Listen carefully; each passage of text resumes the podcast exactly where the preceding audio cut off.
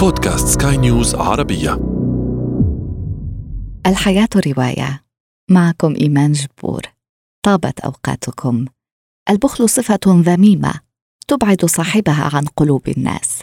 في هذا العدد نتعرف على أشهر بخلاء. جاء ذكرهم في الأدب. متابعة طيبة. الحياة رواية.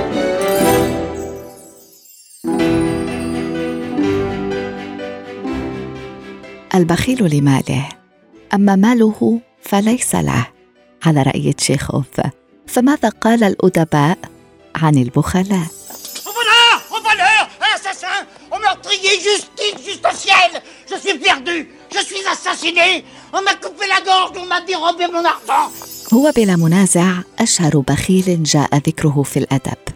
اغباغون الأرمل الشحيح بطل رائعة موليير مسرحية البخيل. اغباغون الذي ينصب كل تفكيره حول المال فقط وماله وفير لكنه مهووس بفكرة فقدانه يوما ما.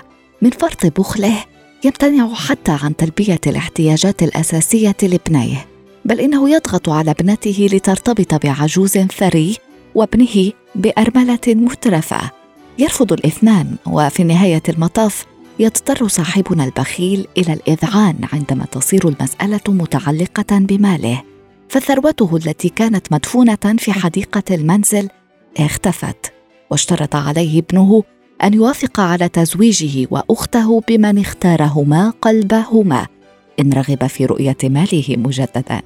في النهاية يتزوج العشاق ويعيشون في سعادة وهناء تاركين العجوز وحيدا مع ثروته. I say, what's today? Eh? What's today, my fine fellow? Today? What Christmas Day? It's Christmas Day. كتب عن كثير من البخلاء الأديب الإنجليزي تشارلز ديكنز لكن أشهرهم سواء في إبداعات ديكنز أو في الأدب الإنجليزي ككل يبقى سكروش بطل رواية A Christmas Carol أو ترنيمة عيد الميلاد وسكروج بخيل ذو قلب بارد يحتقر عيد الميلاد. يقول ديكنز كان رجلا جامدا في كل ما يختص بشؤون المال جامدا كالحجر وكان متحفظا كتوما عديم الأصدقاء ووحيدا وكانت البرودة داخله تجمد وجهه العجوز. كانت عيناه حمراوين وشفتاه الرفيعتان زرقاوين.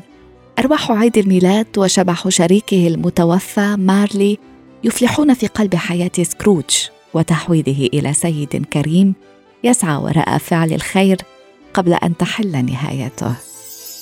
أسمعتم بقصة الشيخ الخراساني الذي كان يأكل في بعض المواضع. إذ مر به رجل فسلم عليه فرد الشيخ السلام ثم قال هلم عافاك الله. فتوجه الرجل نحوه فلما رآه الشيخ مقبلا قال له مكانك فإن العجلة من عمل الشيطان.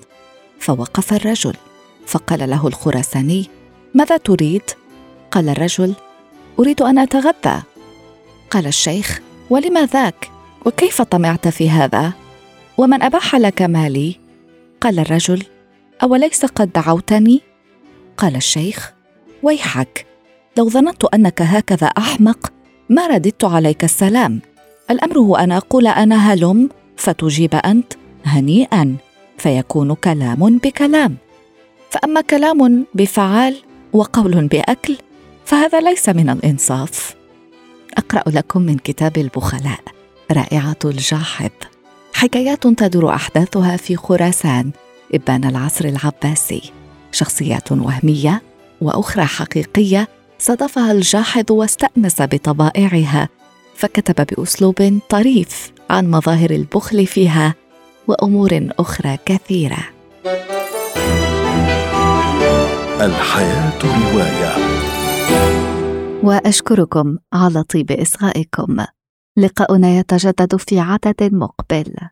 دمتم بخير.